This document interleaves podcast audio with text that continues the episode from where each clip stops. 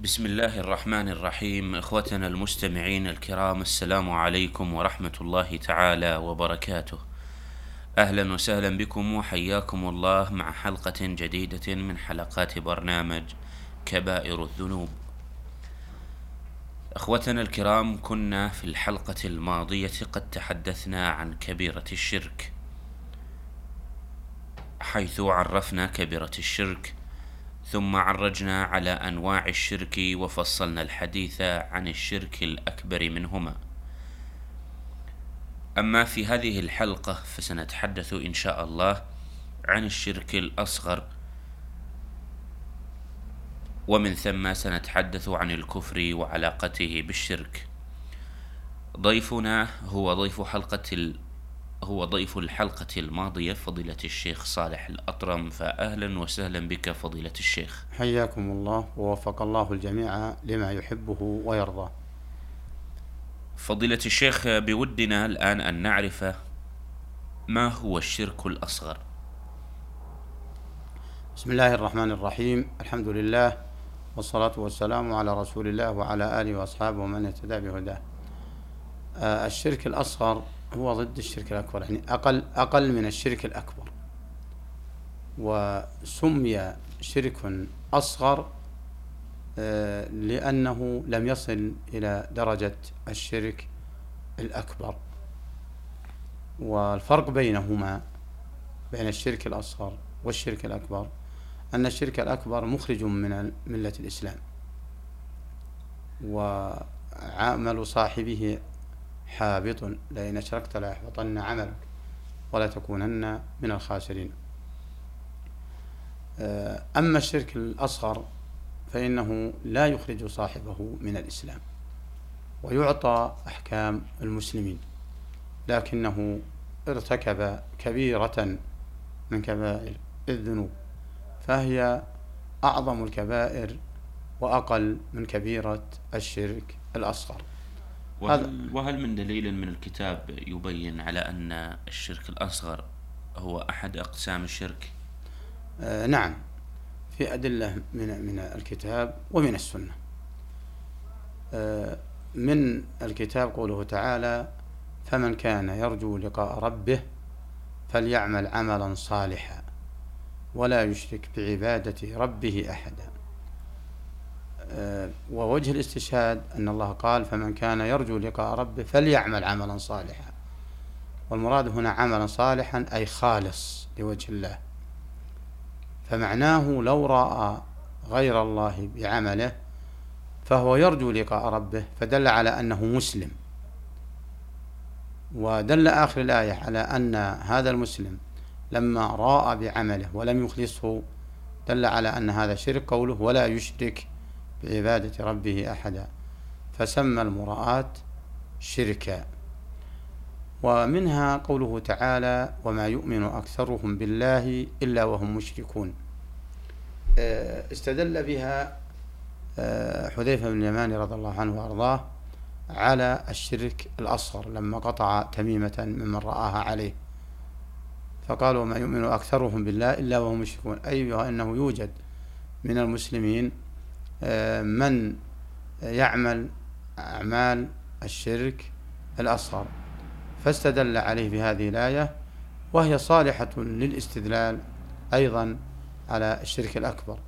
لكن دل على أن الشرك الأصغر لأنها لا تقول وما يؤمن أكثرهم بالله إلا وهم مشركون. فشمل الشرك الأكبر من جهة ومن جهة أخرى تناول الشرك الأصغر بدليل استدلال الصحابة. لأن من قطع من التميمة لم يحكم عليه بالشرك الأكبر.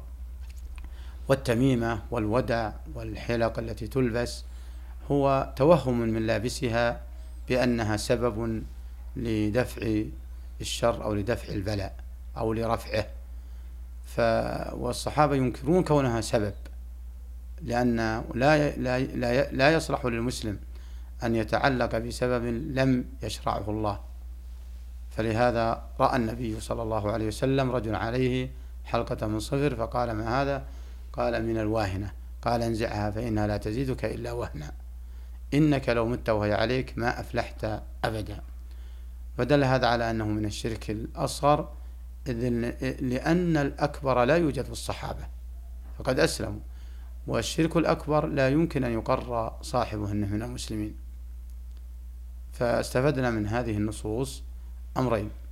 الأمر الأول أن الشرك الأصغر قد يوجد في المسلمين.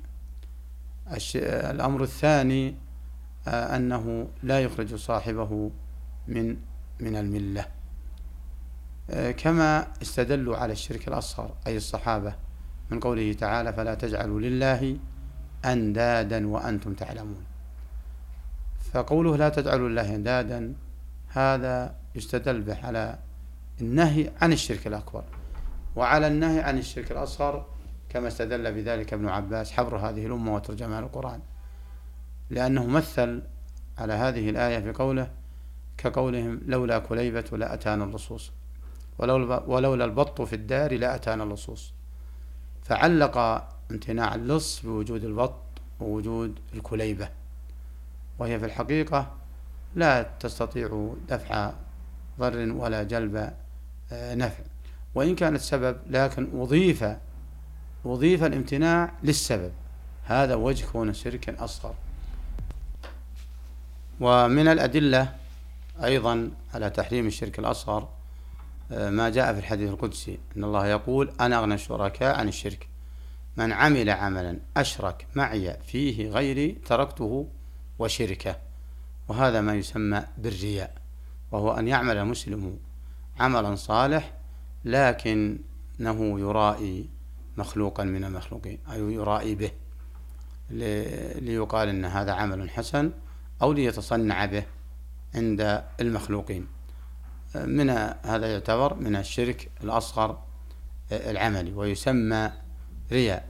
وهذا ما حذر منه الرسول عليه الصلاة والسلام بقوله بقوله إياكم الشرك فإنه أخفى من دبيب النمل على صفات سوداء على صفات سوداء. فدل على أن الشرك الأصغر وهو الرياء أمر يخاف منه الرسول عليه الصلاة والسلام فيجب على مسلم أن يتنبه له. فيه أيضا أمثلة على الشرك الأصغر. رأيتم ذكر بعضها. يتساهل بها بعض المسلمين. مثل إضافة النعمة لغير الله ومثل إضافة دفع البلاء لغير الله. كما يقال كثير على ألسنة الناس لولا النجدة لكان كذا وكذا لولا السواق جيد ونبيه لذهبنا عطب لانقلبت السيارة. لولا كابتن الطائرة لسقطنا من الجو. هذا من الأمثلة على وجود الشرك الأصغر في المسلمين الذي يجب أن نتنبه له. ووجه ذلك كونهم أضافوه لغير الله. والله في الحقيقة هو الذي آه، أوجد هذا السبب الذي بسببه اندفع الشر أو انجلب الخير فأضفه لله أولا ثم إلى السبب ثانيا هذا النطق الصحيح. فتقول لولا الله ثم سائق السيارة لولا الله ثم آه، سائق الطائرة لولا الله ثم النجدة لولا الله ثم الدورية. وبهذا يحصل المقصود ويسلم المسلم من تبعة الشرك الأصغر. بدليل أن ابن عباس استدل على عليه بقوله فلا تجعلوا لله أندادا. ومن أمثلته الشائعة أيضا آه، الحلف بغير الله. فالحلف بغير الله جاء في الحديث أن من حلف بغير الله فقد كفر وأشرك. والعلماء قالوا إنه شرك أصغر. لا يصل إلى حد الشرك الأكبر بل هو شرك أصغر. والنهي عنه واضح في النصوص. لا تعلموا بآبائكم من كان حالفا فليحلف بالله أو ليصمت. ووجه كونه شرك أصغر حيث أن الذي حلف بغير الله عظمه. والتعظيم في هذه الصورة لا تصلح إلا لله وحده لأن الحلف تعظيم ولهذا تجد الرب جل جلاله في القرآن لا يقسم إلا بالعظيم من مخلوقاته. فالمخلوق أعظم ما عنده ربه فلا يقسم بغيره. فإن أقسم بغير الله وجعله بدرجة الله مساويا لله فقال وحياتك أو رأسك أو حياة فلان أو شرف فلان وهو يعتقد أن من حلف به مساو لله هذا شرك أكبر. وصل إلى حد الشرك الأكبر. فلنتحذر فلنحذر أيها المسلمون ونتحرز من من ميدان الشرك بنوعيه أكبر أو أصغر عمليا أو فعليا. فضيلة الشيخ بودنا أن تطلع الأخ المستمع الكريم عن كيفية هذا التحرز من الشرك الأكبر أو الأصغر وخصوصا أن الأصغر وكما ورد في الحديث أخفى من دبيب النملة على صفات سوداء في ليلة سوداء. نعم. فتطلع الأخ المستمع على أهم ما يجب أن يفعله لكي يتجنب أن يقع سواء في الشرك الأكبر أو الشرك الأصغر. آه، هو أوضح طريق أن يحرص المسلم على التعلم وخصوصا في جانب التوحيد وخصوصا في معرفة الشرك ليجتنبه لأن معرفة الشرك لا يعذر فيه مسلم. لا يقال هذا جاهل معذور. لا لماذا؟ لأنه خلق لعبادة الله فعليه أن يتعلم ويستمع ويسأل. لأن الله قال والله أخرجكم من بطون أمهاتكم لا تعلمون شيئا. فكيف يعرف أن يتحرز من الشرك الأصغر أو الأكبر وهو لم يجعل من وقته آه، ساعة ليتعلم ما يجب عليه لربه؟ آه، أيضا يسمع فإن اتضحت له الرؤية فيما سمع فليعمل وإن أشكل عليه فليسأل. وأيضا آه، لا يقلد كل ما يسمع من عامة المسلمين. هناك الجهل الكثير. هناك الجهل آه، الكثير. فلا يقبل إلا من آه، عالم آه، مشهود له بالعلمية أو أنه محل الثقة في الجملة أو قرأ من كتب علماء ثبتت علميتهم وتداولت بين المجتمعات الإسلامية فلم يظهر فيها غلط. هذا طريقة المعرفة. أما أن يجمد الإنسان ولا يلتفت الكتاب والسنة ولا إلى أصحابها ولا إلى علمائها فكيف يتعلم؟ يبقى على ما عنده من شرك ويبقى على ما عنده من خلل من التوحيد فلربما فاجأه الموت وهو على تلك الحالة. إذا فضيلة الشيخ لا نعم. سبيل إلى تجنب الشرك إلا بالاطلاع والمعرفة والتثبت والتحقق من كل ما يفعله الإنسان وذلك إما عن سؤال العلماء علماء هذا الدين الحنيف أو الاطلاع على بعض الكتب الموثوقة كما ذكرتم. نعم خصوصا ما فيه تعلق ما فيه تعلق للقلب. كتمائم كذبح لغير الله كنذور آه، هذا كله كل ذا كتبرك بأشجار أو أحجار أو تعلق بأموات. يعني جميع ما يتعلق بهذه الأمور يسأل عنها. ومثل الشرك في الألفاظ واضحة. أيضا وهو أن يجعل آه، السبب بمنزلة الجالب فلا يضيف آه، الأشياء لله ثم إلى السبب. أيضا قد يكون السبب ليس شرعيا ليس شرعيا فيتعلق به. والله ورسوله لم يجعله سببا. هذا أيضا من الخطر أن يكون شرك. كالتطير تعلق بالطيور. وكالذين يذهبون إلى بعض الذين يعالجون باسم الطب العربي أحيانا ليس كلهم منهم من يعرف لكن الذين لهم صلة بالكهانة أو ادعى علم الغيب. أو هذا أيضا خطر عظيم وقد يؤدي بصاحبه إلى الشرك الأكبر إذا كان هذا الكاهن يستخدم الشياطين.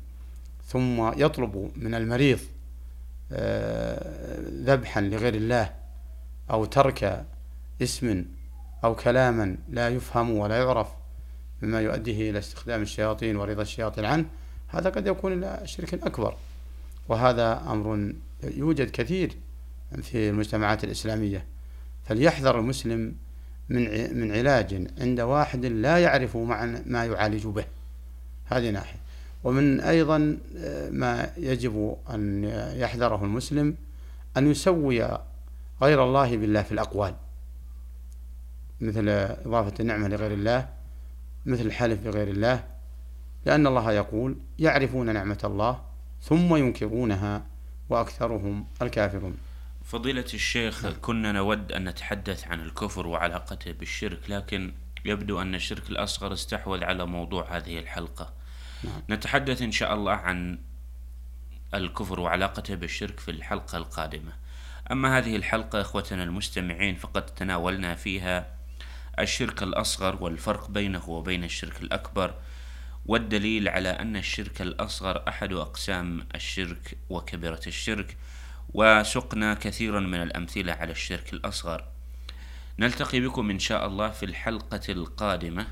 نستودعكم الله والسلام عليكم ورحمة الله تعالى وبركاته.